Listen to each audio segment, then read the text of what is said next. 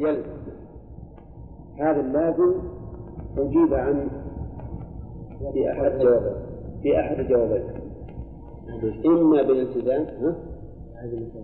أقول إذا قلتم إن المختلع لا يجب عليها إلا الصبرة فقط ما عليها عدة. وعللتم ذلك بأنها بانت من زوجها. فقولوا إذا إذا طلقت ثلاثا ما عليها إلا الاستبراء إذا طلقت ثلاثا فليس عليها إلا الاستبراء لأن الزوج لا يملك الرجعة فهمتم؟ فجاوب على ذلك بأحد وجهين إما بالتسليم وإما بإيجاد فرق إما بالتسليم وإما بإيجاد فرق فرق القاع نعم؟ أما التسليم فأن نقول نعم المطلقة ثلاثا لا يجب عليها ثلاثة قروء المطلقة ثلاثا لا يجب عليها إلا استبراء فقط. والآية ظاهرة في ذلك. لقوله وبعولتهن أحق بردهن في ذلك إن أرادوا إصلاحا. عندنا الآن عموم في أول الآية. عموم في أولها وخصوص في آخرها. إن رددنا آخرها على أولها صار المراد بالعموم المطلقات أي الرجعيات. لأن الله قال بعولتهن والبائن بالثلاث مو بعد الله. انتهى منه وانتهت منه. وقال أحق بردهن والبائن بالثلاث ليس له حق رجع وحينئذ فتكون المطلقة ثلاثا لا يلزمها إلا استبراء حيضة واحدة إن كانت من الحيض أو شهر واحد إن كان ممن لا يحيض أو غير الحمل هذا طبعا الحمل ما في إشكال لأنه تتفق فيه كل العدد. ولهذا يسمون الحامل عدتها أم العدات. هنا أنتم فاهمين الموضوع؟ وش نسمي هذا؟ نسمي هذا تسليم. نقول نعم نسلم. ما ما ما نجادلكم في هذا. ونقول المطلقة ثلاثا لا يجب عليها إلا استبراء فقط. أو نقول بالفرق. فما هو الفرق؟ الفرق أن بعضهم حكى إجماع أهل العلم على أن المطلقة ثلاثا يلزمها ثلاثة قروء. وهذا فرق ولا لا؟ فرق. لأن يعني المختلعة فيه خلاف حتى عن الصحابة. عثمان يرى أنه أنها تستبرأ.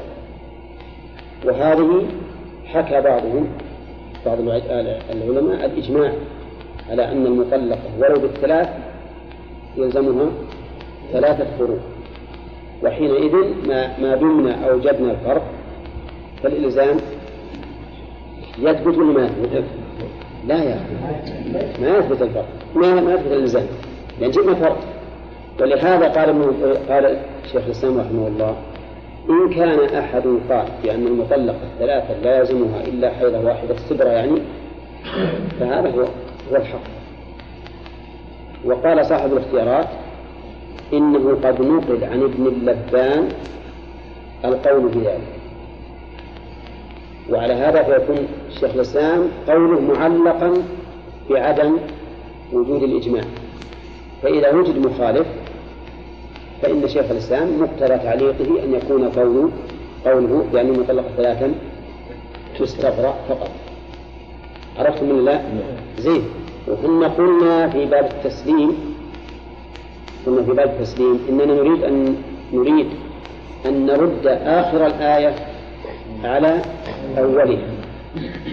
آخر الآية على أولها وأظن أنه قد سبق لنا قاعدة. ما تذكرونها ولا لا؟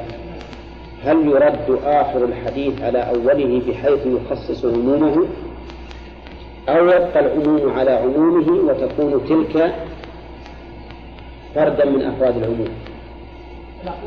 ها؟ أي.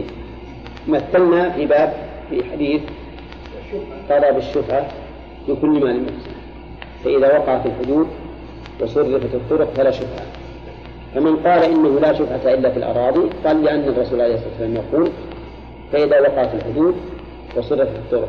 وغير الأراضي ما فيها تصريف طرق ولا ولا حدود. نعم. ومن قال بالعموم وقال من هذا الأخير يحمل على الحالة الخاصة التي تنفرد بها الأراضي. مع أنه قد يفرق بين الآية وبين الحديث في الحقيقة لمن تأمل يمكن يفرق بينهم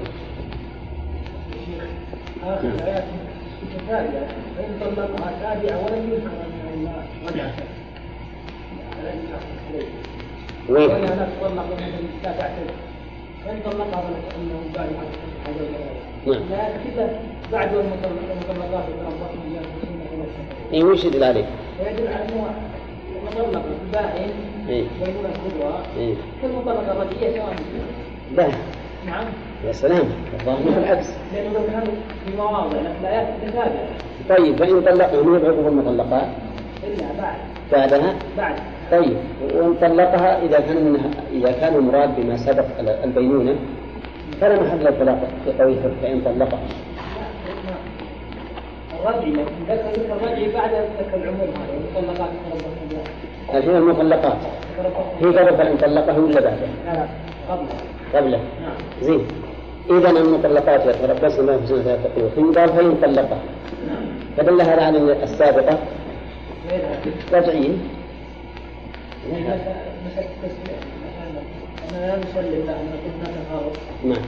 أيضا هذا يكون كما قول الإجماع في المطلقة البائع الكبرى. نعم. المطلقه ثلاثا. نعم. أيضا يكون القياس عليه في الوقت. قياس إيش؟ كما حكى الإجماع أن من طلق بائن طلاقا سائلا نعم. كبرى. الطلاق البائن إنه عليها نعم. ثلاثة قروء ثلاثة قروء فقولوا أنتم. إن الخلق. كذلك. إن الخلق كذلك. نعم. نعم ما, ما في شك.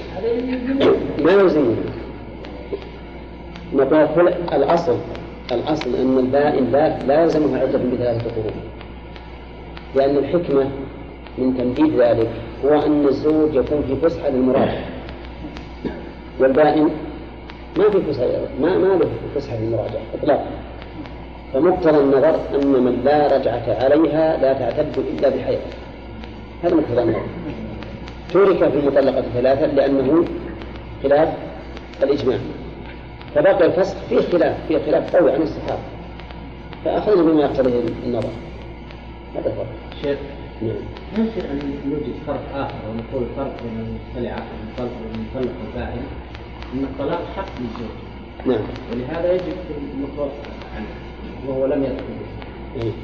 أو إن عدة بس أو إن عدة. عدة حق للزوج. أي وأنا أستغني عن الشروط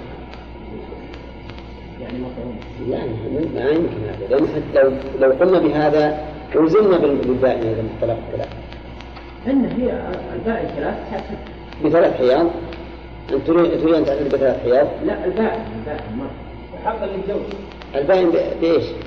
طلقت ثلاث ثلاث مرات إيه؟ ما هي تعتد فيه فيها خلاف ما قلنا في الخلاف فيه ان إن العلماء نقلوا الإجماع على أنها تعتد بثلاثه قرون. إيه. زين. وهو الصحيح. لا حقا للزوج حقا للزوج بس الزوج ما له حق الآن. حقه إيش؟ حقه لأنه طلق بلا يعني قول وبعولتهم يدل على أن الحكمة من تمديد المدة تمكين الزوج من المراجعة. طيب المتوفى عنها زوج. نعم. وش لماذا تمد المتوفى عنها زوجها. ما هو العلة هذه؟ العلة احترام حق الزوج من حيث العموم لأن الزوج ما فرق ما فرق باختياره الآن. الزوج ما فرق باختياره الموت نعم. ورد وإن خالعها ب... ولا يقع معتدة من خلع انتهينا من كلام العدة بالنسبة للمخالع والصحيح أنها أنها لا تعتد وإنما تستبرأ بحيضة فإذا علم براءة رحمها في هذه الحيضة جاز لها أن تتزوج.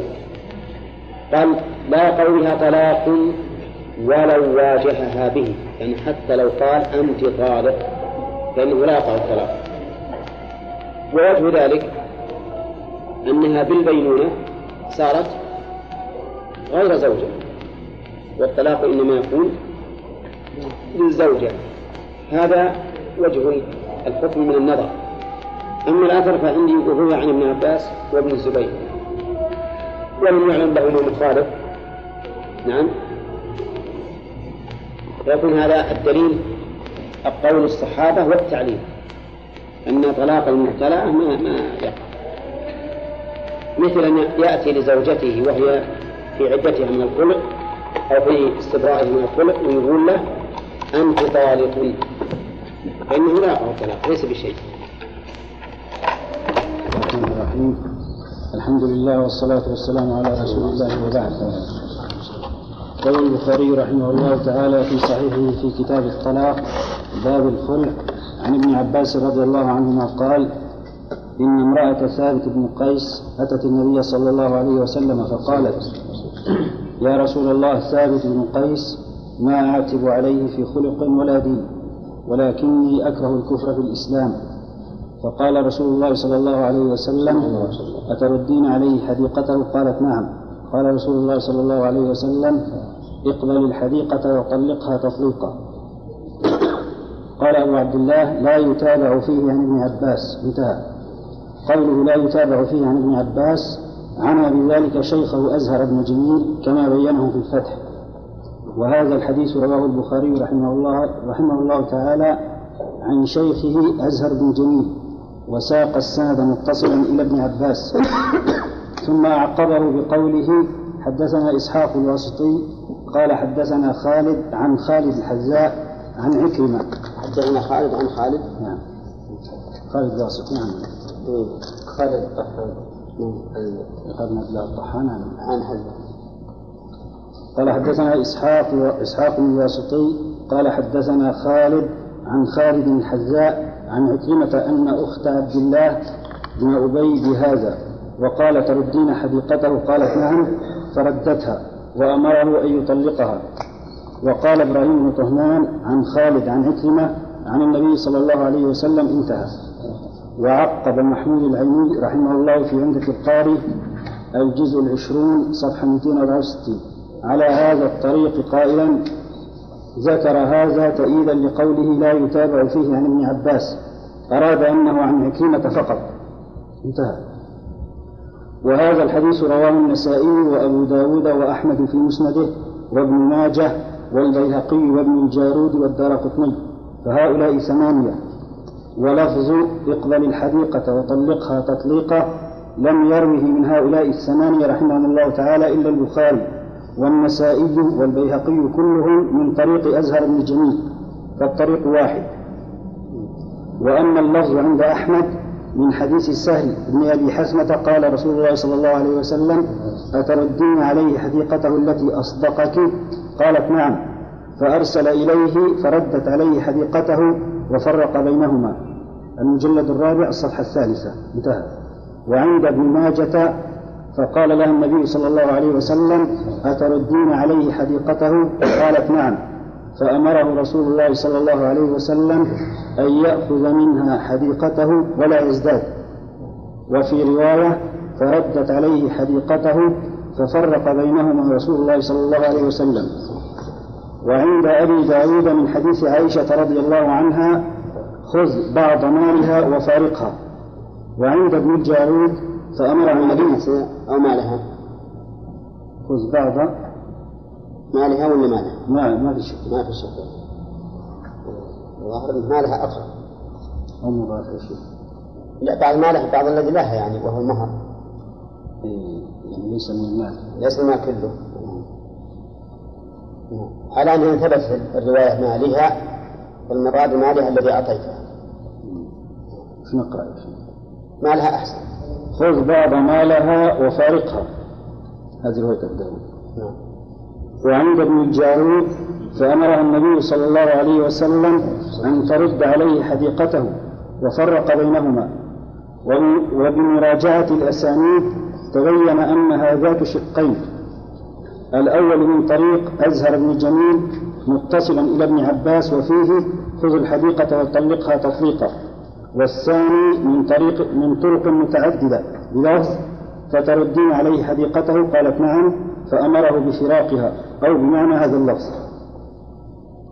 وأسانيد الشق الثاني هذا متعددة عن ابن عباس وغيره وهي سبعة طرق أولا رواه البخاري عن شيخه محمد بن عبد الله بن مبارك المكرمي متصلا عن ابن عباس ومحمد هذا ثقة حافظ كما في التقريب.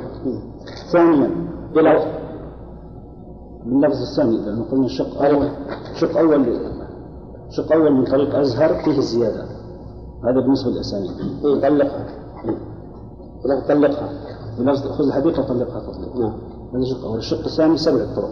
سبع طرق بلا فارقة بلا فارقة أو أو في معنى. أو في معنى. هذا مهم. المهم الفراق والطلاق. لا فارقها ما في طلاق. كل الطرق السبع ما فيها طلاق إطلاقا إيه زين. فارقها وكذا إيه ماشي ثانيا رواه ألفاظهم الآن. حكينا ألفاظهم في البداية هذا الجملة سبع طرق حكينا طيب. ابن إلى ثانيا رواه أيضا عن شيخه سليمان وهو ابن حرب. قال حدثنا حماد عن أيوب عن عكرمة مرسلا وسليمان ثقة إمام حافظ. وفي سنن ابن ماجة رواه عن شيخه أزهر بن مروان متصلا إلى ابن عباس قال في التقريب صدوق. رابعا عند ابن الجارود رواه عن شيخه عباس بن محمد الدوري متصلا إلى ابن عباس وعباس هذا ثقة حافظ. فهذه ثلاثة طرق صحيحة عن ابن عباس ليس فيها خذ الحديقة وطلقها تطليقا. والآخر مرسلا. خامسا. في المسند رواه الإمام أحمد عن سفيان وهو ابن عيينة متصلا إلى سهل بن أبي حسنة دون اللفظ المذكور وسفيان ناهيك به فهو ثقة حافظ فقيه إمام حجة كما في التقريب. سادسا وسابعا رواه أبو داود من طريقين دون الزيادة. فمرة رواه من طريق شيخه عبد الله بن مسلمة القعنبي وهو ثقة عابد متصلا إلى حبيبة بن سهل. ومرة عن شيخه محمد بن معمر متصلا إلى عائشة رضي الله عنها ومحمد بن معمر صدوق. وتحرير المقال بالنسبة للأسانيد أن الزيادة جاءت من طرق من طريق واحد وهو أزهر بن جميل وقد تفرد بها وقال عنه في التقرير صدوقا يغرب وعدم الزيادة جاء من يغرب صدوق يغرب نعم.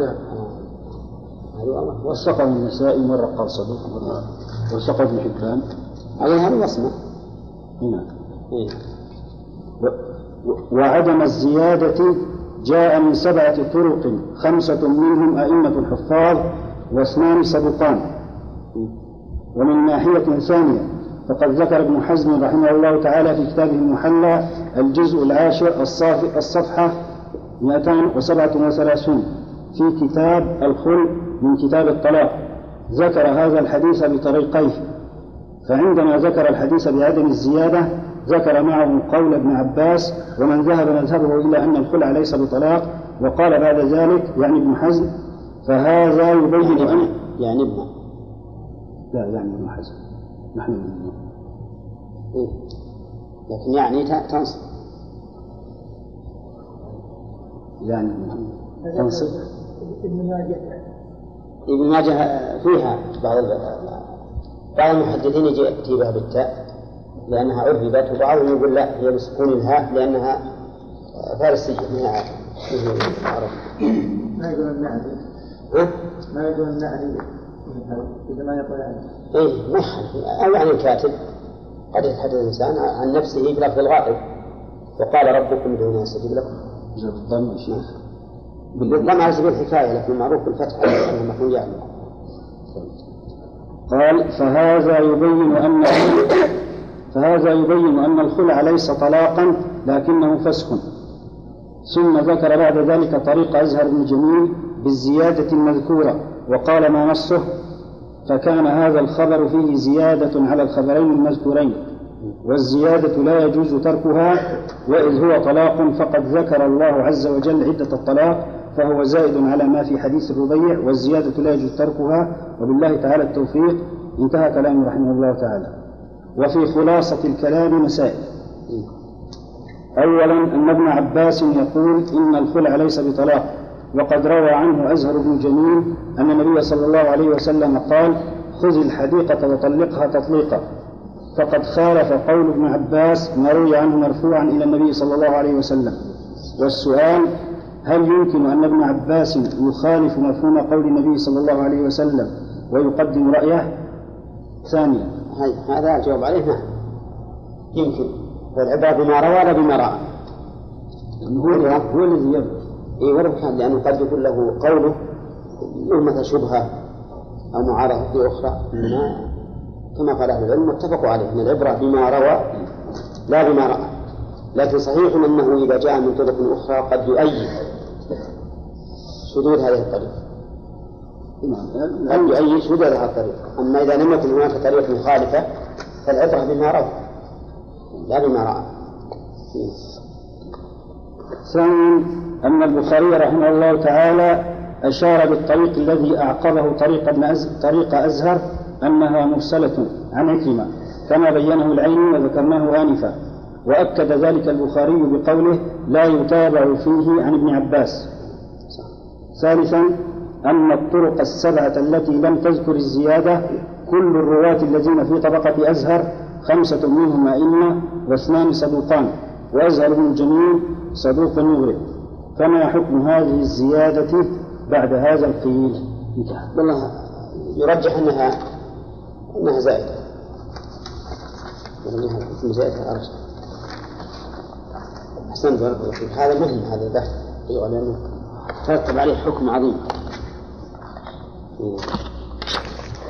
إن شاء الله ربنا يتيسر التصوير ونعطيه الحمد لله رب العالمين والصلاة والسلام على نبينا محمد وعلى آله وأصحابه أجمعين. أظن المناقشة من الفصل. نعم. نعم.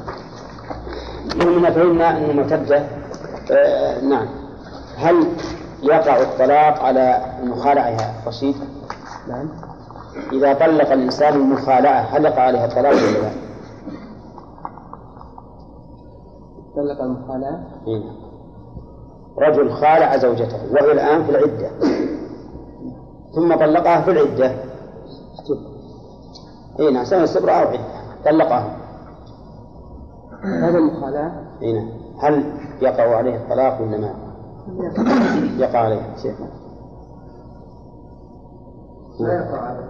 لا يقع؟ لأنها ليست زوجة اي نعم.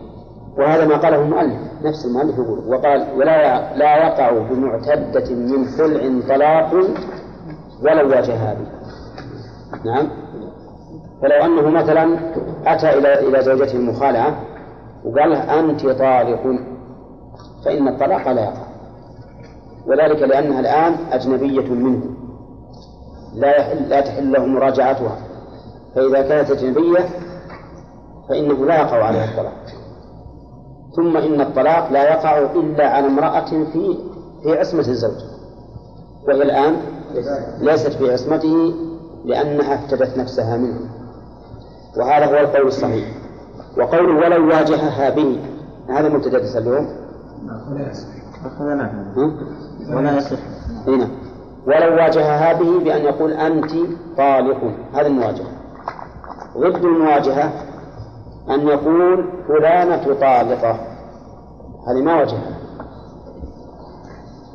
ويقع الطلاق ولو غير مواجهة في غير المخالعة يعني في زوجة في عصمته. لو طلقها بدون مواجهة. فقال زوجتي فلانة طالق. تطلق؟ نعم. وكذلك أيضا لو قال على سبيل التعميم كل زوجاتي طوالق فإن المختلعة التي في عدتها لا يقع عليها الطلاق. فصار عندنا ضد المواجهة ضد المواجهة صورتان الصورة الأولى التعميم والصورة الثانية التعيين بالاسم. تعيين بالاسم. والمواجهة معروف. التعميم شلون؟ كل زوجات طوال والتعيين بالاسم زوجتي فلانة طالق. والمواجهة أنت طالق. وهذا إشارة خلاف لأن بعض أهل العلم يقول إنه إذا واجهها أي المخالعة بالطلاق فإنها تطلق. ولكنه قول لا دليل عليه لا من أثر ولا من نظر. هم يقولون لأنها إلى الآن لها لا لها تعلق به من جهة الاعتداد أو الاستبراء على الخلاف. ولكن يقال هذا لا يعني أنها زوجته فهي ليست بزوجة الله حتى وإن كانت في عدته.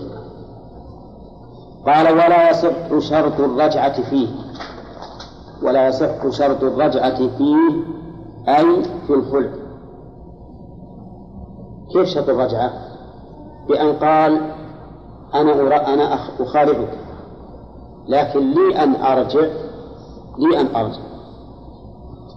في الخلع فأعطيك العوض وأراجعك. هذا معنى الرجعة وأنتم عرفتم أن الرجل إذا خالع زوجته وسلمته العوض وقال خالعتك على هذا العوض انقطعت الصلة بينهم. واضح؟ لأن هذا افتداء فلا يمكن أن أن يرجع عليه إلا بعقد جديد ورضا. لكن لو أنه عند عقد الخلع اتفقوا على أن له أن يرجع في الخلع وكيف يرجع؟ بأن يرد العوض ليملك الرجعة. هذا شرط الرجعة فيه يرد العوض من أجل أن يملك الرجعة مثال خالعها بألف ريال. وسلمت له ألف ريال وقال خالعتك على هذا الألف. انتهت. لكن الشرط قال شرط إن بدالي إني أهون فإني أرد العوض وأراجعك. يقول المؤلف إن شرط الرجعة فيه غير صحيح. لا يصح شرط الرجعة فيه. طيب والخلع؟ يصح ولا ما يصح؟ يصح. يصح. وهنا سؤال لماذا صح الخلع ولماذا بطل الشرط؟ يقولون إنه بطل الشرط لأنه ينافي مقصود الخلع. ينافي مقصود مقصود الخلع إذ أن مقصود الخلع هو التخلص من هذا الزوج. فإذا شرط أن له أن يرجع ثم يملك رجعة فإن هذا المقصود يفوت الزوجة يفوت الزوجة. لأنه متى شاء رد الدراهم التي سلمته ثم رجع. فيكون هذا منافيا لمقصود العقد. فيبطل الشرط. ويصح الخلع يصح الخلع لأنه أي هذا الشرط لا يعود إلى صلب العقد وهو ما يتضمن جهالة ولا يتضمن وقوعا في محرم. غاية ما هنالك أنه شرط فاسد ألغي كما ألغى النبي عليه الصلاة والسلام شرط أهل بريرة. أن يكون الولاء لهم وصحح العقد. الشرط الفاسد يفسد والعقد ما دام لا ما دام لا يوجد ما ينافي أصل العقد فإنه يبقى صحيحا. وهذا له نظائر كثيرة مرت علينا في الشروط في النكاح ومرت علينا في الشروط في البيع. نعم. ولا لا؟ ومرت علينا في الشروط في الرهن وفي الشروط في الوقف. إن هناك شروط فاسدة تفسد بنفسها ولا تفسد العقد وقال بعض العلماء في هذه المسألة وأنا بسألكم قبل هل إنكم تحبون أن نذكر الخلاف ولا ندعه؟ نعم نعم. طيب. الخلاف أنا عندي زين لأنه يمرن الطالب على الترجيح. فهم المعاني. فالقول الثاني في المسألة أن الخلع لا يصح. الخلع ما يصح. لأن هذا الشرط يبطل يبطل المقصود من أصله. هذا الشرط يبطل المقصود من أصله.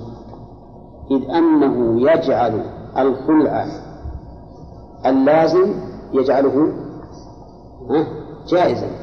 يجعله جائزا متى ما شاء أبطله. فهو كما لو وقف شيئا واشترط أن يبيعه متى شاء. فإن مشهور المذهب أن هذا الشرط يبطل الوقف ويكون الوقف غير صحيح. يكون الوقف غير صحيح وفي خلاف لكن ما إحنا بعيدين للوقف. طيب حطيت بالكم. وفيه قول ثالث بصحة الشرط والخلف عكس القول الأخير الثاني.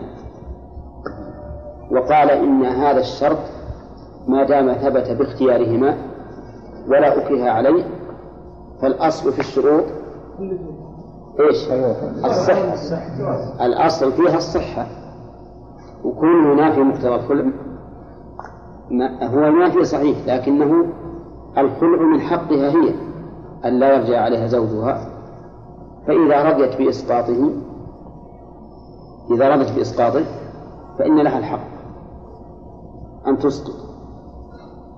لكن المذهب في هذه المسألة هو أقرب الأقوال لأنها قد تغتر عند عقد الخلق وتوافق على هذا الشرط. ثم بعد ذلك ها؟ تندم وتقول ليتي ما وافق ليتي ما وافقت. الحمد لله اللي فكر إنه هروح أخلي بعد يجي لمي فالصحيح المذهب في هذه المسألة أن الشرط فاسد وأن الخلع وأن الخلع صحيح. وأما من قالوا إن الخلع لا يصح وأنه يجب عليه أن يرد عليها ما أخذ منها وله أن يراجعها.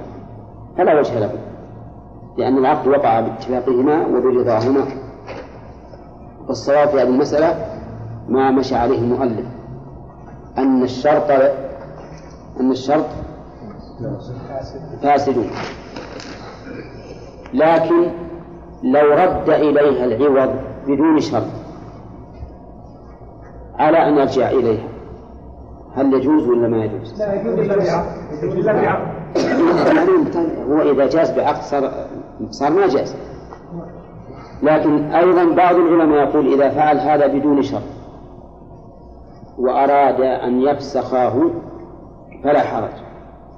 لكن القول الثاني في المسألة الأخيرة هذه أنه إذا كان باختيارهما فلا حرج مثل أن يشرط أن يشرط الخيار فيه أن يشترط الخيار فالصحيح جوازه اشتراط الخيار ولا, ولا أدري لعله دخل دخلت عليكم مسألة في مسألة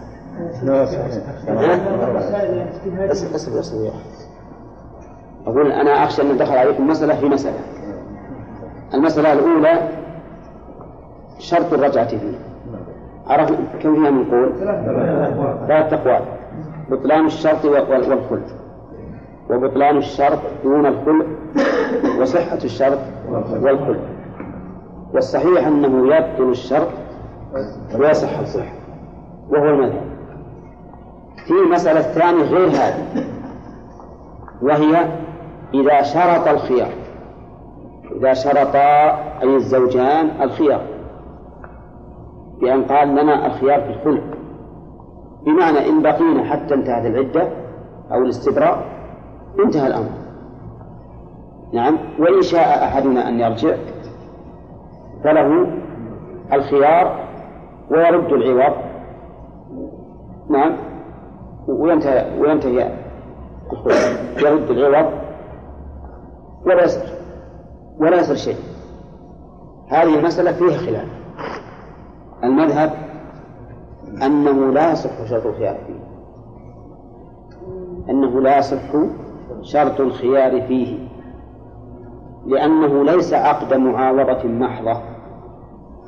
ولو كان عقد معاوضة محضة لصح فيه الشرط شرط الخيار كالبيع. البيع ما هو بيصح في شرط الخيار. ها؟ لو اشتريت منك مثلا سيارة وأعطيتك قيمتها عشرة آلاف ريال وقلت ترى لي الخيار لمدة أسبوع. مو بيجوز؟ ومن هون منا فله ذلك. لكن الخلق لو فعلنا هذا واتفقت المرأة والزوج على أن تخالعه بألف ريال على أن لكل منهما الخيار لمدة أسبوع. فهل يصح هذا أو لا يصح؟ المذهب أنه لا يصح. ويجعلون ذلك مثل مثل شرط الرجعة. نعم. والقول الثاني أنه يصح لهما شرط الخيار. يصح لهما شرط الخيار وإذا اختار أحدهما الرجوع فإنه يرجع سواء هي أو هو. يعني هي لها أن تقول لك دراهم هو له أن يقول خذ دراهم فرانا ألغينا ألغينا الخلع أو الزوج الزوجة تقول للزوج أنا ألغيت الخلع وعطى دراهم هذا معنى شرط الخيار. وهذا أيضا فيه قولان في في لأهل العلم. ولكن الذي يظهر أنه يصح الشرط. لأن هنا ليست كالمسألة الأولى. الرجعة في المسألة الأولى لمن؟ للزوج. للزوج. أما هذا الخيار لهما جميعا. فلكل منهما أن يختار. مع أنه قد يقول قائل إذا اختار الزوج فإن الزوجة تجبر على موافقته. ولا لا؟ وحينئذ نعود إلى أنه كشرط كشرط الرجعة تماما إلا أن الرجعة من جانب واحد وهذا من جانبين. والله أعلم. الله أعلم. لكن فيه في خلاف. إذا شرطها الخيار هي إذا شرطها الخيار هي فهو أهون. فهو أهون يا شيخ. نعم يا شيخ. وش لو رد على لو اتفق بعد ذلك بدون بدون شرط. اي في مدة الاستبراء أو بعد. اي في خلاف بين أهل العلم. في خلاف. بعضهم يقول ما يخالف إذا رد عليه عوض ما صار شيء. بعض والمذهب يقول لا. ولو بعد والعدة لا لا لا. لا. إذا انتهت إذا انتهت على قلوبها ما يمكن. وعلى الاستبراء وحتى وينتهى الاستبراء ما يمكن. يقول الاستبراء ليس بعيد إيه لكن ولو كان العلاقة باقية ولهذا ما يحل أن تتزوج بغيره. فعلاقته معها باقية. لكن بدلا من هذا كله بدلا من هذا كله نسلك شيئا لا خلاف فيه. نعم. وهو العقد. يقول بدل مني أعطيها الدراهم ونلغي الخلع نعم أو نقع فيه أشياء مشتبهة نقول هذه الدراهم ألف ريال مهرا لك. ويعقد من جديد. يعقد على زوجه إيه؟ لا لا يعقد عليها. يعقد عليها سواء كنا بالاستبراء أو أو بالعدة كل واحد. يعني هي الآن بائن منه. نعم. بالنسبة للخلع طلقها مثلا تطليقتين ثم خالعها ثم عقد عليها من جديد هل التطليقتين هذه يحسب عليه؟ اي يحسبان عليه. يحسبان عليه. يحسبان يعني إذا طلقها ثالثا تحسب عليه إنه لا تعود له نعم. بعد نعم نعم. طيب لو خلعها عدة مرات. خلعها أربع مرات تحرم عليه؟ لا ليس بطلاق آه ليس بطلاق صح. يقول الناظر رحمه الله وإن خالعها وإن خالعها بغير عوض لم يصح. إن خالعها بغير عوض فإنه لا يصح. لقوله تعالى فلا جناح عليهما فيما افتدت به. نعم. فإذا خالعها على غير عوض فأين الفداء؟ لا فداء. وهذا هو المذهب أيضا. وقال شيخ الإسلام يصح أن يخالعها على غير عوض. وعلل ذلك بأمرين. أحدهما أن العوض حق لمن؟ للزوج. فإذا أسقطه باختياره فلا حرج. كغيره من الحقوق. الثاني أن الحقيقة أنه إذا خالعها فإنه يخالعها على عوض. يخالعها على عوض. لأنها هي تسقط حقها من الإنفاق. لأنه لو كان الطلاق رجعيا لكانت النفقة مدة العدة على من؟ على الزوج. على الزوج. فإذا خالعته فلا نفقة عليه. فكأنها بذلت له عوضا. فهمتم؟ فهي قد أسقطت الحق الذي لها من النفقة على الزوج. وهو قد أسقط الحق الذي له من الرجعة. فالرجعة حق للزوج والنفقة مدة العدة حق للزوجة فإذا رضي بإسقاطهما بالخلع فلا مانع. هكذا يقول شيخ الإسلام رحمه الله.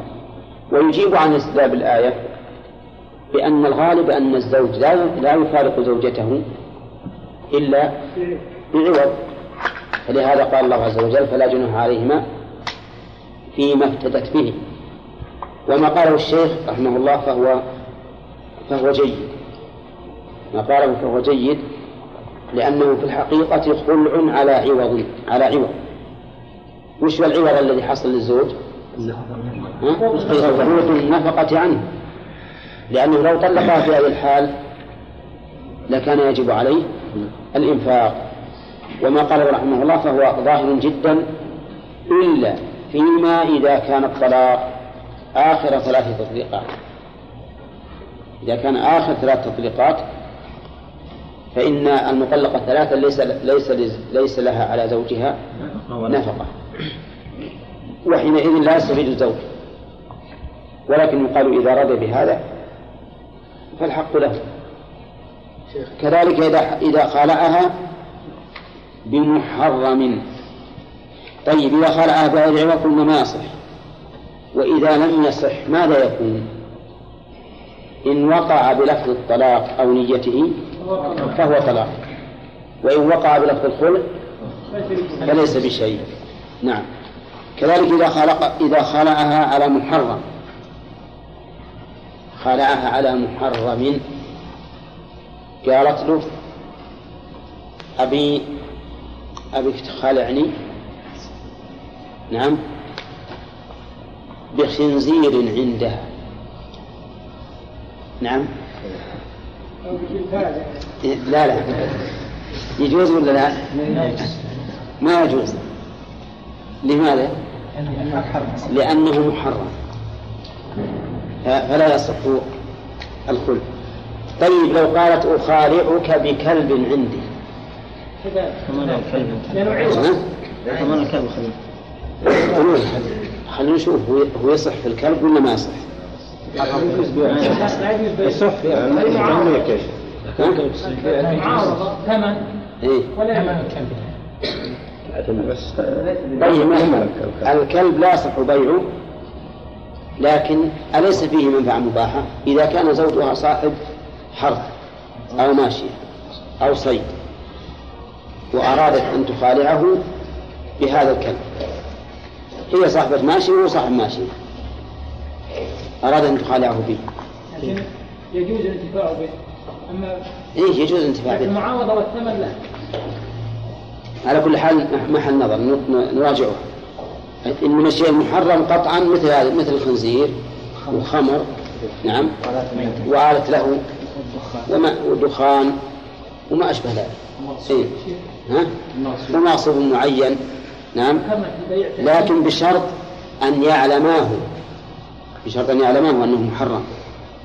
فإن كان لا يعلمان أنه محرم فإن الخلع يصح ولها قيمته. قيمته مباحة مثل ما لو خالعته على على ولد لها من غيره. قالت خالعك على هذا الولد لك عبد. يجوز؟ لا. وش السبب؟ لأنه حر لأنه حر؟ أي نعم فإذا كان لا يعلمان أنه حر أنه حر فله مثل قيمته عبدا نعم. قال المؤلف لم يصح. ويقع الطلاق رجعيا إن كان بلفظ الطلاق أو نيته. يقع الطلاق رجعيا حال. لماذا يقع رجعيا وفي عوض؟ لأن العوض ما صح. العوض فاسد ووجوده كعدمه وقوله إن كان بلفظ الطلاق أو نيته مفهومه إذا كان بغير لفظ الطلاق أو نيته مثل أن يكون بلفظ الخلع أو الفداء أو الفصل فإنه لا يقع. لأنه ليس بصحيح. ثم قال المؤلف رحمه الله وما صح مهرا صح الخلع به. ما ما تقولون فيها شرطية أو موصولة؟ موصولة. موصولة موصولة بمعنى موصولة أو شرطية. نعم يصح. شرطية وشرطية أقرب. لأنها تكون جملة مرتب بعضها على بعض. وما صح مهرا يعني كل شيء يصح مهر فإنه يصح الخلع به. فيصح أن تعطيه دراهم. أولى نعم. يصح أن تعطيه ثيابا. نعم. وعرض يعني. يصح أن أن تعطيه عقارا. أولى نعم. يصح. يصح أن أن تخالعه على تعليمه. ولا ما يصح؟ يصح. يصح. الأول أمهرها تعليم. تعليم القرآن. أو غير القرآن. أنا إنما صحيح أنه يوجد القرآن. ولما أردت أن تخالعه قال بخلك على إني أعلمك تعتبر أجنبية أي ما خال أجنبية لكن ما ما تفتش له ولا كان نعم. تكون بمحرمها عند محرمها وتعلمه. يصح ولا لا؟ يصح. هو علمها سورة البقرة مهرا وهي تعلمه سورة آل عمران خلعا. أي نعم. يجوز. ما في مال ما صح مهرا من مال أو منفعة. فإنه يصح الخلع به. لأن وجه ذلك ظاهر. لأن المهر إنما أخذ لاستباحة البضع. وهذا أخذ لفكاك البضع. فالأمر فيه ظاهر. لكن المؤلف ويكره بأكثر مما أعطاها. يكره الخلع بأكثر مما أعطاها. وهذه المسألة مما اختلف فيه العلماء. فقال بعض العلماء إنه يجوز في المال قل أو كثر. وقال آخرون لا لا يزيد على ما أعطاه. استدل القائلون بجواز الزيادة بعموم قوله تعالى فلا جناح عليهما فيما افتدت به. فيما افتدت به. وما وش اسم موصوف. تفيد؟ العموم. فيما افتدت به من قليل وكثير فهو عام لما تفتدي به نوعا وجنسا وكمية وكيفية. وقال آخرون لا لا يزيد على ما أعطاه. لأن قوله فيما افتدت به أي مما أعطاه. أي مما أعطاه. لأن الله سبحانه وتعالى قال ولا يحل لكم أن تأخذوا مما آتيتموهن شيئا إلا أن يخاف أن لا يقيم حدود الله. فإن خفتم أن لا يقيم حدود الله فلا جناح عليهما فيما افتدت به مما أعطيتموهن. نعم. مما آتيتموهن.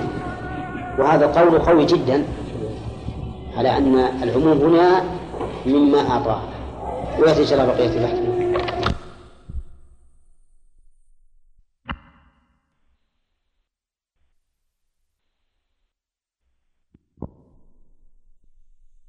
فيهما فيما افتدت به. وما اسم موصول؟ يفيد؟ العموم. فيشمل القليل والكثير. وظاهر كلام المؤلف صحته بأكثر مما أعطاها. صحته بأكثر مما أعطاها. فإذا كان أصدقها مثل عشرة آلاف وقال لا لا أخالعك إلا بعشرين ألفا فظاهر كلام المؤلف أنه يصح إلا أنه قال يكره بأكثر مما أعطاها يكره بأكثر مما أعطاها. وهذه المسألة اختلف فيها أهل العلم. فمنهم من قال إنه لا يجوز بأكثر مما أعطاها وعلل ذلك بأمرين. الأمر الأول أن الرسول صلى الله عليه وسلم نهى ثابت بن قيس أن يزيد. في خلعه قال خذ الحديقة ولا تزدد. وثانيا أنها أن هذا الزائد أن هذا الزائد عما أعطاها أكل المال الباطل. لأنه ليس في مقابلة شيء. نعم ما أخذ منه له أن يسترجع لكن ما زاد في أي مقابل وقال بعض أهل العلم إنه لا بأس بالزيادة. لقوله تعالى فلا جناح عليهما فيما افتدت به فيما افتدت به. وأجابوا عن الحديث وقالوا هذا عام. وأجابوا عن الحديث بأن الحديث ضعيف. والحديث الضعيف لا تقوم به الحجة كما هو معلوم. وأجابوا عن قولهم بأن أخذه أكثر مما أعطى أخذ بغير حق. فقالوا بل هو أخذ بحق لأن هذا الرجل يملك هذه المرأة إلى متى؟ إلى الموت. فهو حق له ثم إنه قد يقول أنا إذا تركتها فمتى أجد امرأة؟ أنا مخاطر بعد إذا خلعتها وأخذت منها. ثم قد يكون أيضا. أعطاها في وقت رخص. والآن المهور زائدة ومرتفعة فهذا الذي أخذ منها يمكن يأتي له بزوجة ويمكن أن لا يأتي. و أما جواب الآخرين عن عموم الآية فقالوا إن قوله فلا جناح عليهما فيما افتدت به عائد على ما سبق. لأنه قال ولا يحل لكم أن تأخذوا مما آتيتموهن شيئا إلا أن يخافا أن لا يقيما حدود الله فإن خفتم أن لا يقيما حدود الله فلا جناح عليهما فيما افتدت به أي مما آتيتموهن فقط. ولكن الأرجح القول الآخر أن له أن يأخذ أكثر مما أعطى. إلا إذا صح الحديث ولكن الحديث لا يصح. يوجد له شواهد وإلا فهو بسنده المعروف ضعيف. طيب إذن له أن أن يخالف أكثر لكن المذهب رحمهم الله سلكوا مسلكا وسطا فقالوا إن الخلع صحيح ولكنه يكره وإن خالعت حامل بنفقة عدتها صح كذا عندكم؟ نعم. وإن خالعت حامل بنفقة عدتها صح ما عندنا أنا ما عندي حامل لكن ظاهر الشرط حامل وحنا مغيبين كذلك. أقل من المهر يجوز إيه بالاتفاق. أقل من المهر يجوز بالاتفاق. لكن كل الحديقة. إلى أن هي عرضتها. لأن الرسول سألها عليه الصلاة والسلام قال أتربين عليه حديقة؟ قال نعم. بقي علينا مسألة هذه الحقيقة تثير مسألة مهمة. لو أننا ما تمكنا من الجمع بين الزوجين. ما تمكنا بأي حال من الأحوال. وهو أبى أن يطلق وهي أبت أن أن تبقى عنده. فذهب بعض أهل العلم إلى وجوب الخلع حينئذ بشرط أن ترد عليه المهر كاملا ذهب إلى هذا بعض علماء الحنابلة وشيخ الإسلام يقول عنه تلميذه بمثله إن شيخنا اختلف كلامه في هذه الصورة هل يجب الخلع أو لا, أو لا يجب؟ مع أن بعض علماء الحنابلة صرح بوجوب الخلع والإلزام به. واستدل القائلون بالإلزام بأن الرسول صلى الله عليه وسلم قال لثابت خذ الحديقة وطلقها. قال والأمر للوجوب ولأنه لا سبيل إلى فك هذا النزاع والشقاق إلا بهذا الطريق. وفك النزاع والشقاق بين المسلمين أمر واجب وما لا يتم الواجب إلا به فهو واجب. وهذا القول هو الصحيح. على أنه إذا تعذر الالتئام بين الزوجين فإنه يجب الخلع. إذا بدأت هي المهر الذي أعطاه. لأنه الآن ما عليه مضرة. ماله وقد جاء. وبقاؤهم هكذا. هي معلقة. لا يمكن تتزوج. وهو كذلك غير موفق في هذا النكاح. فماذا نصنع؟ لا سيما إذا ظهر للقاضي أن البلاء من الزوج. مثل أن يكون صاحب فسق وتتعذر الإقامة إقامة البينة عليه. أو يكون مثلا هي تدعي أنه ما يصلي مثلا وتتعذر إقامة البينة. فمثل هذا القول بالوجوب قوي جدا. إذا خالت حامل بنفقة عدتها صح. نعم. ذكرنا الدرس الماضي أن القول الثاني أقوى قول أيهن؟ القول بأنه لا يزيد على الأعضاء أنه؟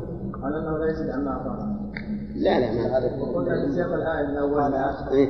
يدل على لا والله ما لا ما, ما رجحته أنا قلت إن هذا قول. نعم. وهو قوي جدا إيه قوي لكن ما هو بأقوى وهو لكن ما هو بأقوى لأن الحديث الحديث لو صح الحقيقة, الحقيقة أن الذي يحكم بيننا هو الحديث. إذا صح الحديث فهو لا. أما إذا لم يصح فالآية عامة. نعم. لا بأس الحمد لله الأول على القراءة أن تؤخذ من لا. في أصل الفراق نقول ما يمكن أن نفسخ النكاح إلا إذا أتيت بالعلم وإلا تبقي معلقة متى شئت. متى شئت فاتك منه. فهو التنفيذ يا شيخ سبع سنين. إي لا هذا ما له أصل اللي يسمونه إسقاط الحقوق هذا لا أصل له في الحقيقة. ولا ولا ولا علمنا أحدا من العلماء السابقين استعمله. وقد بحثت مع بعض القضاة في هذه المسألة وقال إننا نفعله لئلا تتلاعب النساء بالأزواج. لأننا لو قلنا إنها إذا نشزت سقطت نفقها نفقتها وإذا أقبلت وجبت النفقة صارت شهرا تنشز وشهرا لا تنشز إن جاعت أطاعت.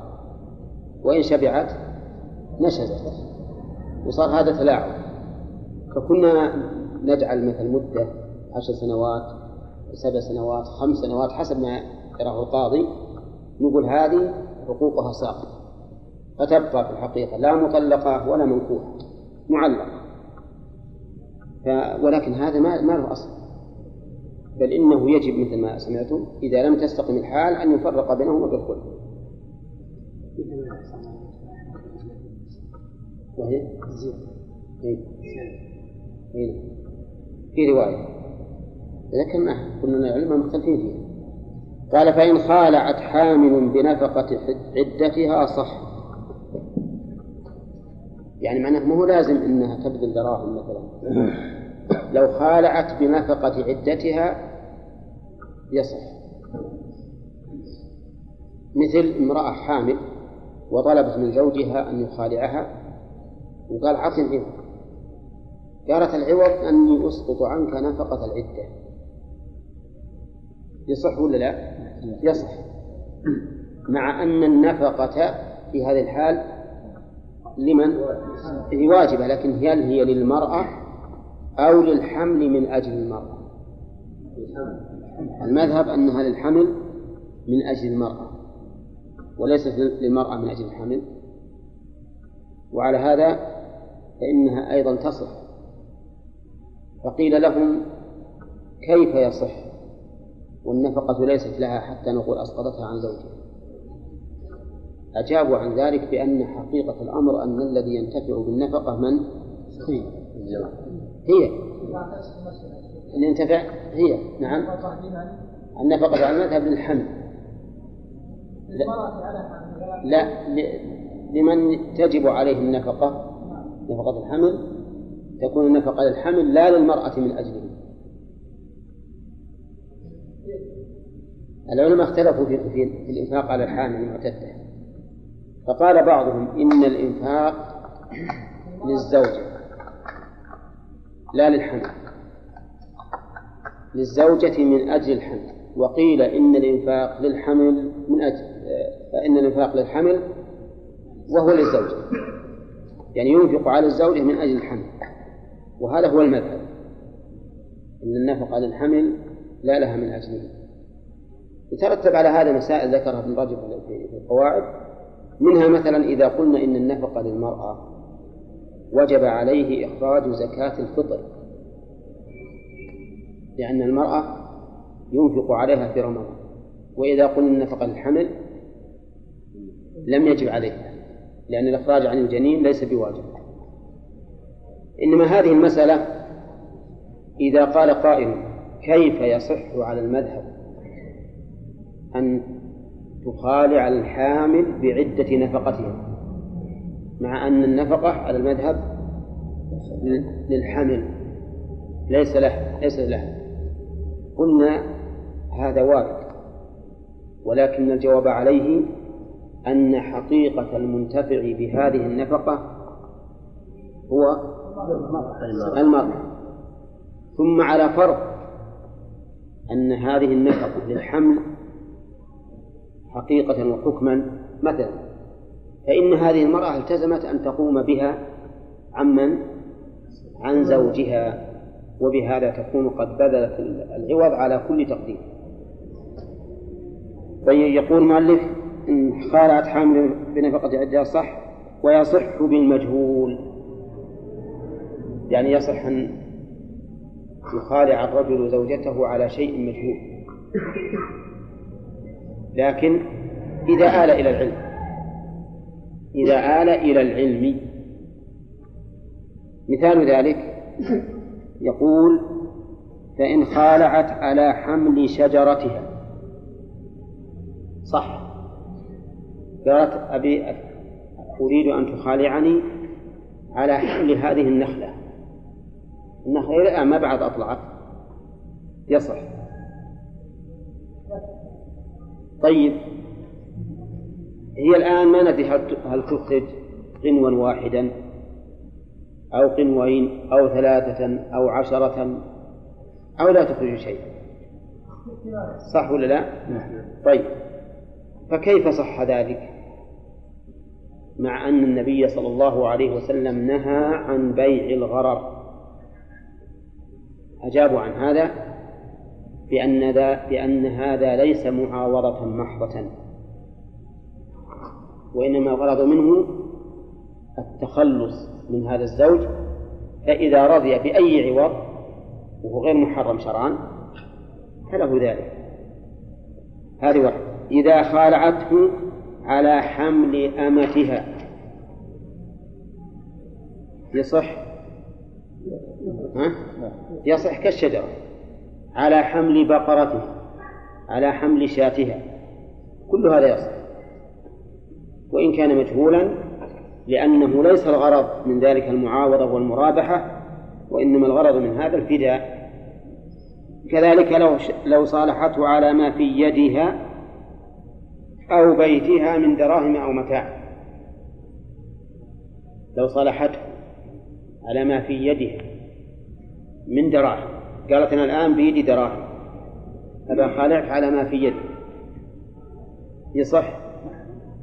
طيب كم الدراهم؟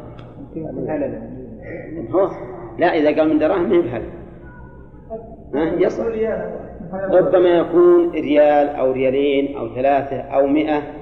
نعم. خصوصا بالوقت الحاضر. فيه مثلا أم ريال تكون باليد. أم خمسمية تكون باليد. أو شيك. لا الشيك مو بدراهم. أنا في يدها من الدراهم. طيب. كذلك ما في بيتها من متاع. قالت أبا خالق على كل المواعين اللي بالبيت. لك. الرجل لما سمع كل مواعين صيغة منتهى الجموع قال ما شاء الله هذه يمكن تحمل سيارة. فوافق. فلما ذهب فإذا هو قدر وطباقته نعم. يصلح؟ نعم. أي نعم. يصلح. لا هو على كل حال إذا صار رغب ما راح يفرط بنفسه. لكن إذا وافق.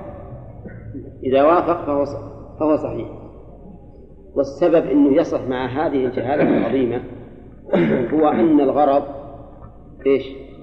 التخلص من الزوج وليس معاوضة محضة يقول أو على عبد أبخاعك على عبد أو على شاة أو على بقرة أو على سيارة ولا عينت. يصح؟ يصح. حتى وإن لم تقل من سياراتي مثلا أو من أو من عبيدي أو ما أشبهه. وتجيب له أي عبد. يقول مالك صح؟ وله مع عدم الحمل والمتاع والعبد أقل مسمى. يعني لو فرضنا إن إن الشجرة ما حملت ما حملت فله أقل مسمى الحمل. وظاهر كلام المؤلف أنه ما يعطى الوسط يعطى أقل ما تحمل. وش أقل ما تحمل الشجرة؟ انخلط. قنو واحد. نقول ندور لك قنو واحد ونعطيك إياه لما أنه ما حمل في هذا العام أقل ما تحمل الشاة أو الأمة. واحد. واحد. ها؟ واحد. ما فيها أقل من واحد. نعم. ممكن لا لا. لا المعيب ما يصح كذلك لها أقل ومع عدم المتاع. مع عدم المتاع. وش له؟ أقل ما يسمى متاعا. حتى لو كان مثل بساط يسمى متاع. أقل ما يسمى. وقول المؤلف أقل مسماه. صريح بأننا نرجع هنا إلى العرف. فما سمي متاعا أو حملا رجعنا فيه إلى ذلك لكن بشرط أن لا يكون معيبا لأن الأصل السلامة الأصل السلامة. طيب لو قال قائل إنه في مسألة الحمل والمتاع إن أنه يعطى الوسط. يعطى الوسط لكان له وجه. لكان له وجه. لأنه إذا أعطيناه الوسط ما ظلمناه ولا ظلمناه. ما ظلمناه ولا ظلمناه. فإذا قال قائل هذا القول يرد عليه أنه لو حملت النخلة بقنو واحد. يكفيه ولا لا؟ يكفيه. لكن الفرق ظاهر. لأنه إذا حملت فقد حصل له ما عينه فليس له أكثر منه. أما مع عدم الحمل فإننا نقول إذا فرضنا أنها ما تحمل إلا قنوا واحدا فلنفرض أنها تحمل أيضا عشرين قنوا. نحن الآن لا نظلمها فنقول أعطيها عشرين قنوا لأنه يحتمل أن تحمله ولا ولا نظلمه هو أيضا فنقول يأخذ قنوا واحدا لأنه ربما لا تحمل إلا قنوا فنقول يرجع في ذلك إلى الوسط. نعم. نعم. لا. هو بحملت ولم تحمل فحملت هذه. الشجرة عليه أي نعم. ولم تحمل أي فيضمن له. ما حصل هنا بدل الآن. لا ما راضي بغير حمل راضي بما تحمل. لو قال نعم إن حملت فلما حملت لا بأس. وإذا قال إن حملت بعد ما يصح لأن الحقيقة الآن ما ما خالع على عوض. ما خلع على عوض. قال ومع عدم الدراهم ثلاثة. وش الدراهم؟ الذي بيده. له مع عدمها ثلاثة دراهم. لماذا؟ لأن أقل الجمع ثلاثة. طيب فإن كان في يدها درهمان ما له إلا الذي في اليد. وإن كان على لفظ الجمع. نعم. وذلك لأن لأنه عين بما في يدها فيتقيد به. بخلاف إذا لم يكن شيء. طيب لو كان في يدها شيء لكنه نوى.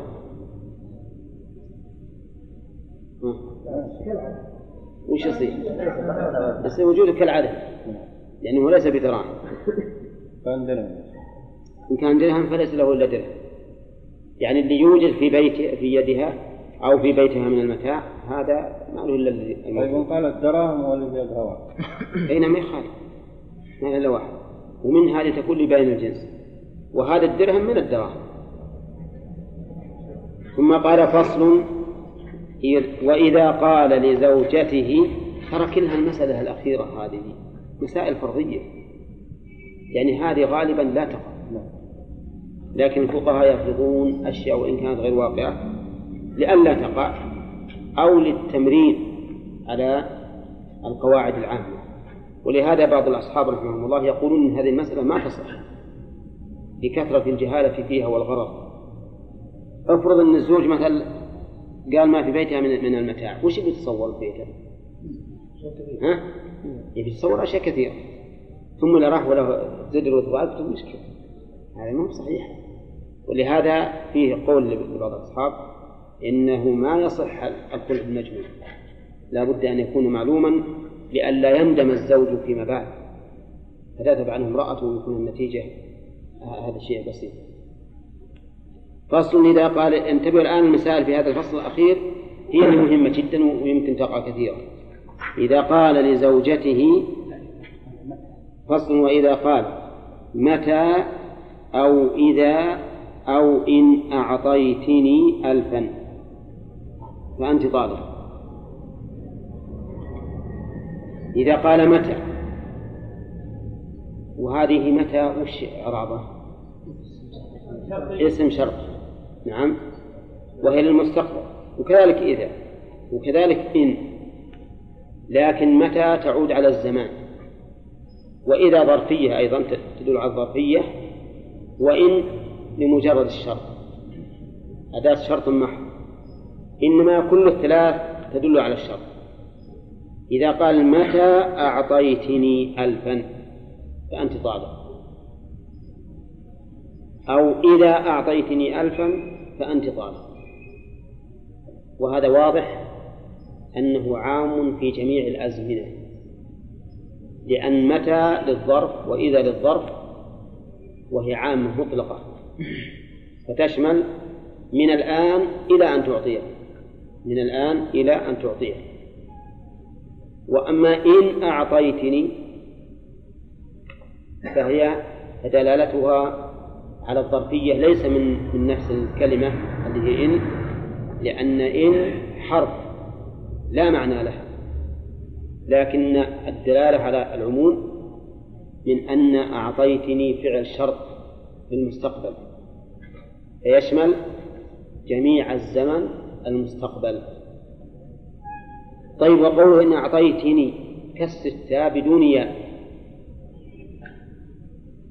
وحكي لغة لكنها ضعيفة جدا أنها تلحقها الياء لكن للإشباع. فيقال أعطيتين. وهذه اللغة توافق اللغة العامية عندنا. نقول أعطيتيني ما نقول أعطيتني. نعم؟ يمكن لو نخاطب امرأة نقول أعطيتني قالت خليت الرجل. ها؟ واضح؟ طيب ألفا؟ وش ألفا؟ المؤلف ما ذكر تمييز ما ذكر تمييز الألف وش؟ لكن نفرض ألفا من الدراهم لأن الغالب أنه ألف درهم. فأنت طالق طلقت بعطيته وإن تراخى طلقت بعطيته وش عطيته؟ أين المفعول الثاني؟ محذوف. تقدير؟ الألف. بعطيته الألف. وإن تراخى أي تأخر عن ذلك. مثل قاله لها في أول يوم من الشهر وبدأت تجمع نفسها حتى أتت في آخر الشهر بألف درهم وأعطته الألف. تطلق؟ نعم تطلق. وإن تراخى لأن الشرط في هذه الأدوات الثلاث يكون للتراخي. طيب بقينا قبل أن تعطيه. هل لها هل له أن يرجع ولا لا؟ هل له أن يرجع أو لا يرجع؟ وهذه مسألة مهمة لأنه دائما يقول الزوج للزوجة حصل بينهم شقاق ويقول له مثلا أعطني مالي وأنت طالب إن أعطيته مالي فأنت طالب هكذا يقول الآن علق طلاقها بماذا؟ بإعطائها ماله.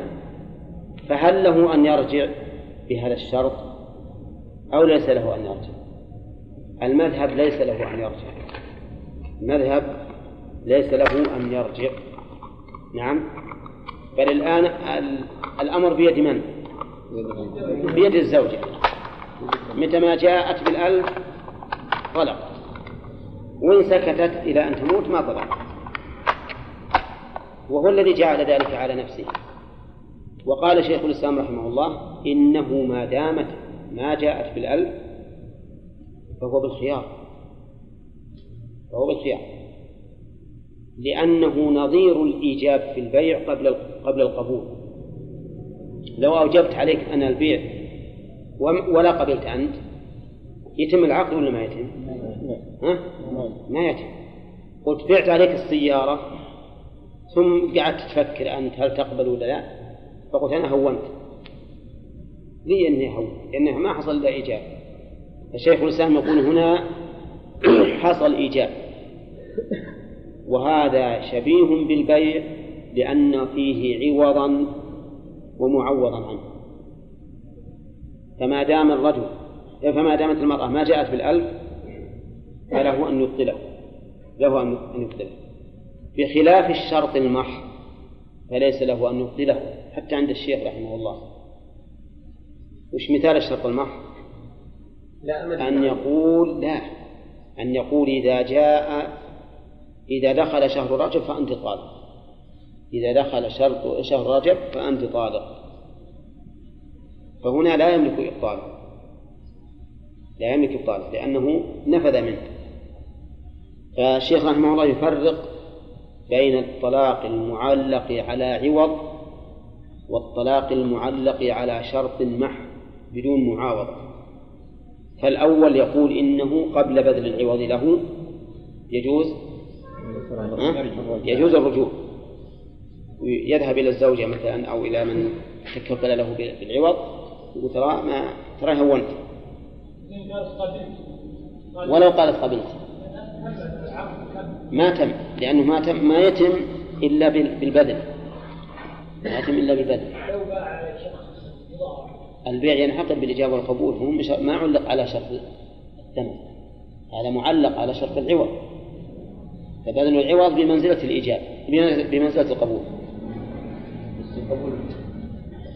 أتى من الزوجة لا إيجابا يأخذ من الزوج وخالعتك على كذا. إن أعطيتني ألفا فأنت طالق الإيجاب من الزوج إذا رضيت بذلك. إذا رضيت وهي ما سلمت المذهب يلازم الآن. خلاص ما له ما له فكة الآن المذهب أن الخيار للمرأة. متى ما جاءت بالدراهم طلق لكن شيخ الإسلام يقول له الحق في إبطاله والرجوع عنه. لأنه ما بعد تم. وهذه مسألة في الحقيقة كثيرا ما تقع بين الناس. وغالب ما تقع إذا غاضبت زوجها. إذا غاضبت زوجها. يقول هذا الكلام ثم يندم ويحاول الرجوع. فمن رأى المذهب يقول لا يرجع لو رجع ما يقبل.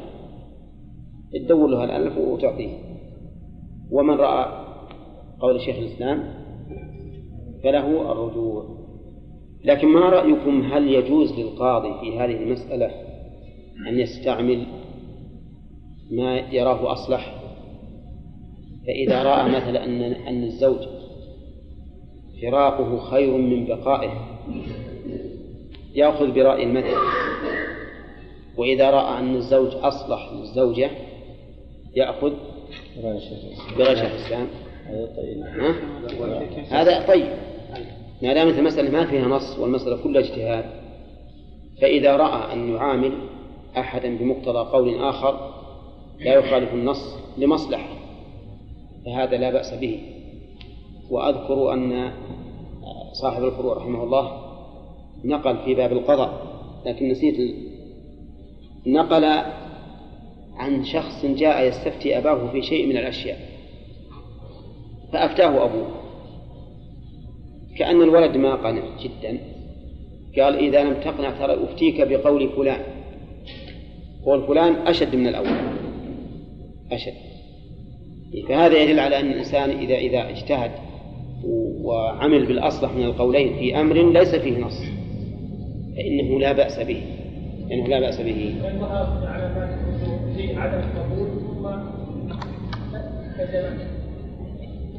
كيف؟ ما عندي هذا شيء مستحيل وكذا ما أنا قابل إيه؟ ثم كويس إيه المذهب التعليق باقي. المذهب التعليق باقي مثل ما جاء. نعم. والله أنا رأيي في هذه المسألة أنه يرجع إلى اجتهاد القاضي. يرجع إلى اجتهاد القاضي. نعم. المؤمنون على شروطهم. اي نعم. اي ما يخالف. المؤمنون على شروط. لكن إلى الآن ما اعطيتني هو الذي اي ما يخالف. أنا إلى إلى الآن ما اعطيتني أما عاد اذا ترى لاحظوا أيضا. إذا شرطوا مدة قال إن أعطيتيني الفا في خلال شهر مثلا. وانتهى الشهر ولا اعطته فالمسألة ظاهره نعم. طيب يا شيخ هذا يا شيخ هو الذي جنى على نفسه؟ إيه نعم جنى, جنى على نفسه فقال هذا الكلام.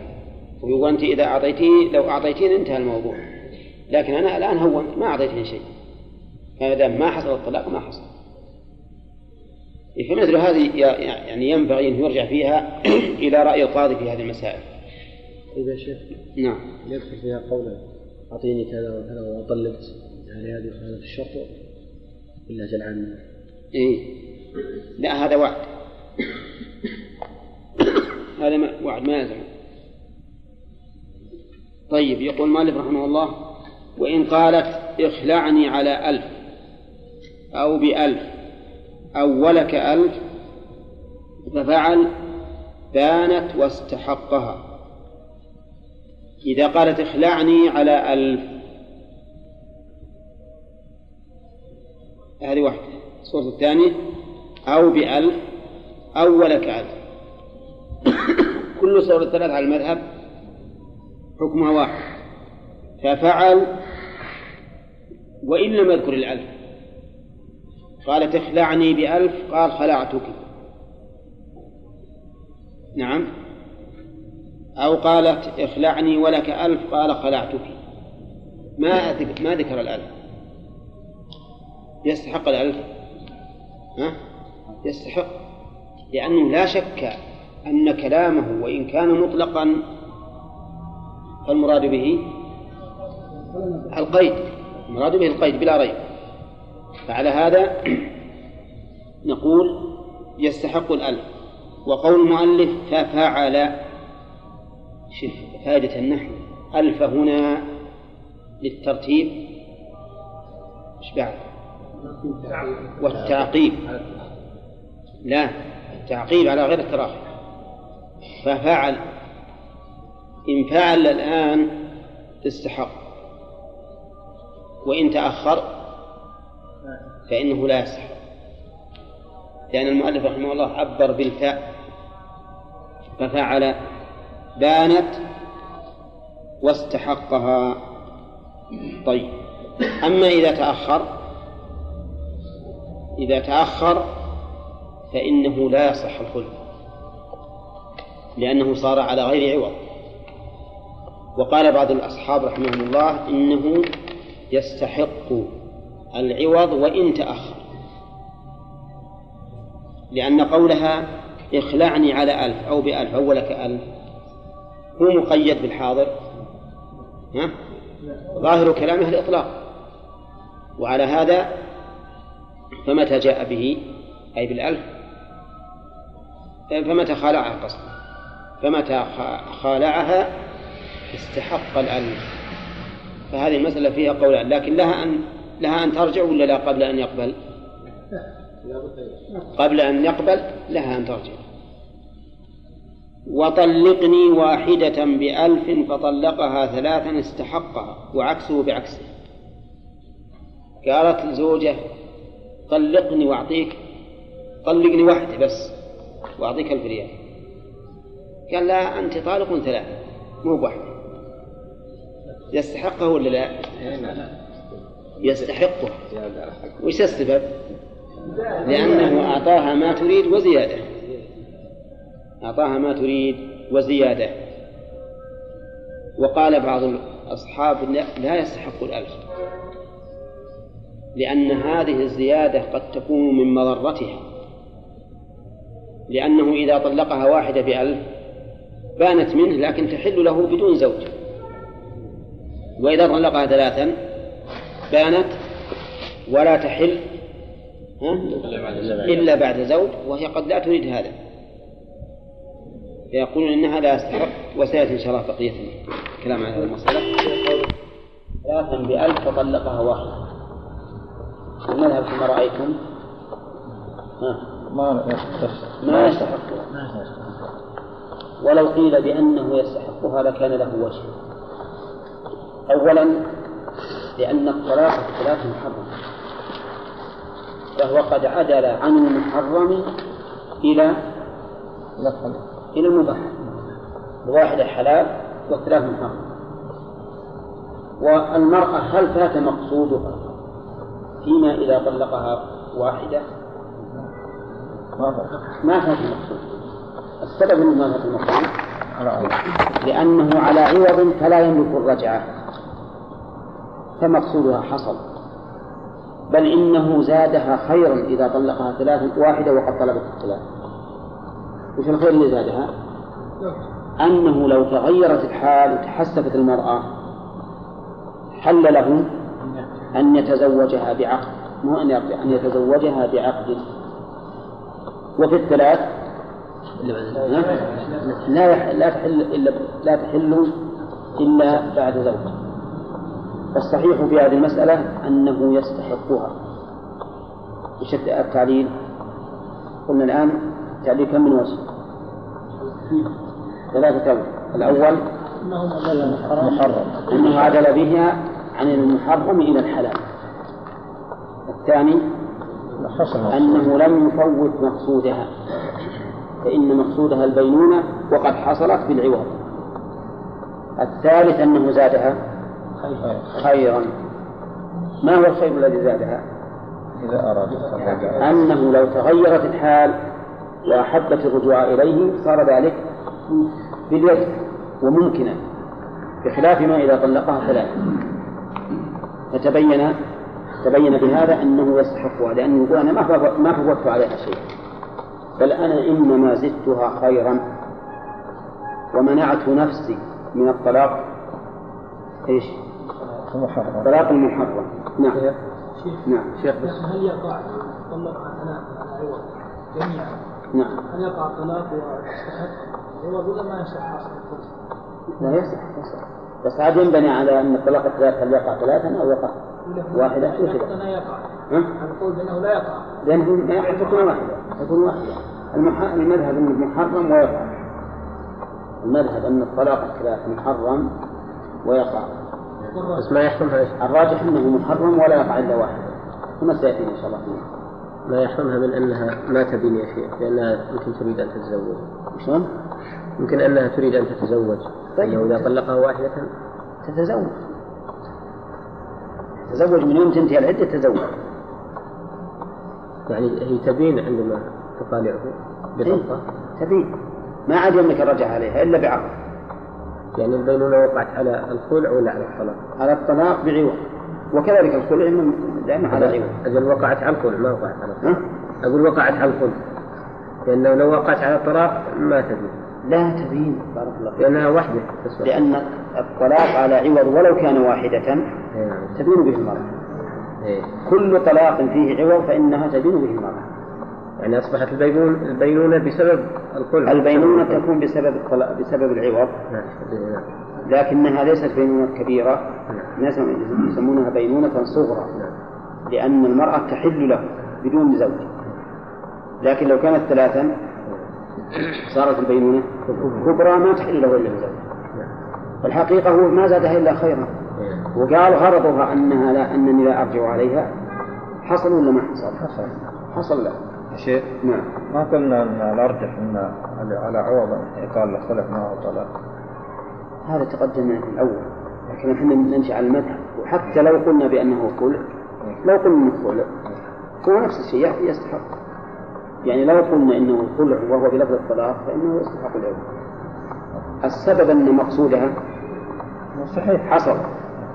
لكن بعض الناس مع شدة الغضب تلك الساعة يقول ما يكفينا الطلاق الواحدة والثنتين من أعوذ بالله. نعم. قال إلا في واحدة بقيت.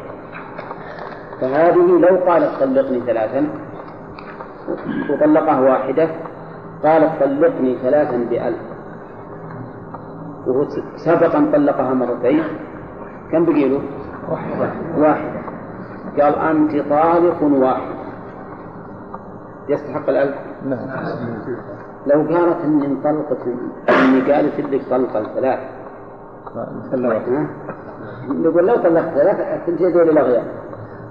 السبب إن الأغيار؟ ما ما يملك إلا واحد. ما يملك ما بقي إلا واحد. نعم. ولهذا سئل بعض السلف عن رجل قال إني طلقت امرأتي مئة طلقة قال نبي ناخذ منك ثلاث وسبع وتسعين لك نعم. السبب ما زاد على الثلاث ما له ما في شيء نبي طيب إلا في واحدة بقيت فيستحق العلم. قال وليس للأب خلع زوجة ابنه الصغير ولا طلاقه يعني لا يجوز للأب ليس له أي لا يملكه أن يخالع زوجة ابنه الصغير. والمراد من مال الصغير. المراد من مال الصغير.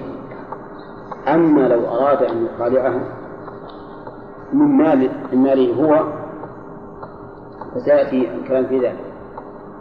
المهم أن المذهب ليس للأب ومفهومه أن الجد يملك ذلك. من باب أولى ليس له أن يخالع زوجة ابن الصغير. سواء من ماله هو أو من مال من مال الولد. لماذا؟ لأن هذا لأن الخلع يرجع إلى الزوج بيد الزوج وليس بيد أحد سواه. وكذلك ليس له أن يطلق زوجة ابنه الصغير. أن يطلق زوجة ابنه الصغير. والعلة ما سبق. أن الفراق بيد من؟ بيد الزوج. والزوج الآن صغير. الزوج صغير. إن كان مميزا ولم يطلق أو لم يشاء الطلاق فالأمر ضاع وإن كان دون التمييز فكذلك ليس لأبيه أن يطلق لأنه سيأتينا إن شاء الله الطلاق أن المميز الذي يعقل الطلاق ويفهمه يقع طلاقه. فتبين الآن الخلاصة أنه ليس للأب أن يخالع زوجة ابنه الصغير. ولو بماله هو أي الأب ولا أن يطلقها أيضا لا بعوض ولا بغير عوض. العلة في ذلك قلت لأن الفراق بيد الزوج. الفراق بيد الزوج. والطلاق لمن أخذ بالساق. أضاف الله تعالى النكاح والطلاق إلى الزوج نفسه. فقال يا أيها الذين آمنوا إذا نكحتم المؤمنات ثم طلقتموهن فأضاف الله الطلاق للناكح فيكون الطلاق بيده. وظاهر كلام المؤلف أنه لا فرق بين أن يكون ذلك لمصلحة الابن أو لغير مصلحته.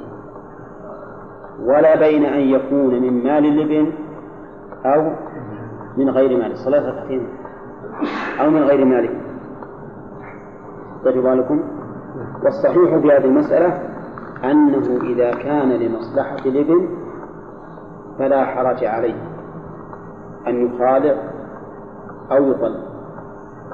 سواء كان من مال الابن أو من ماله هو.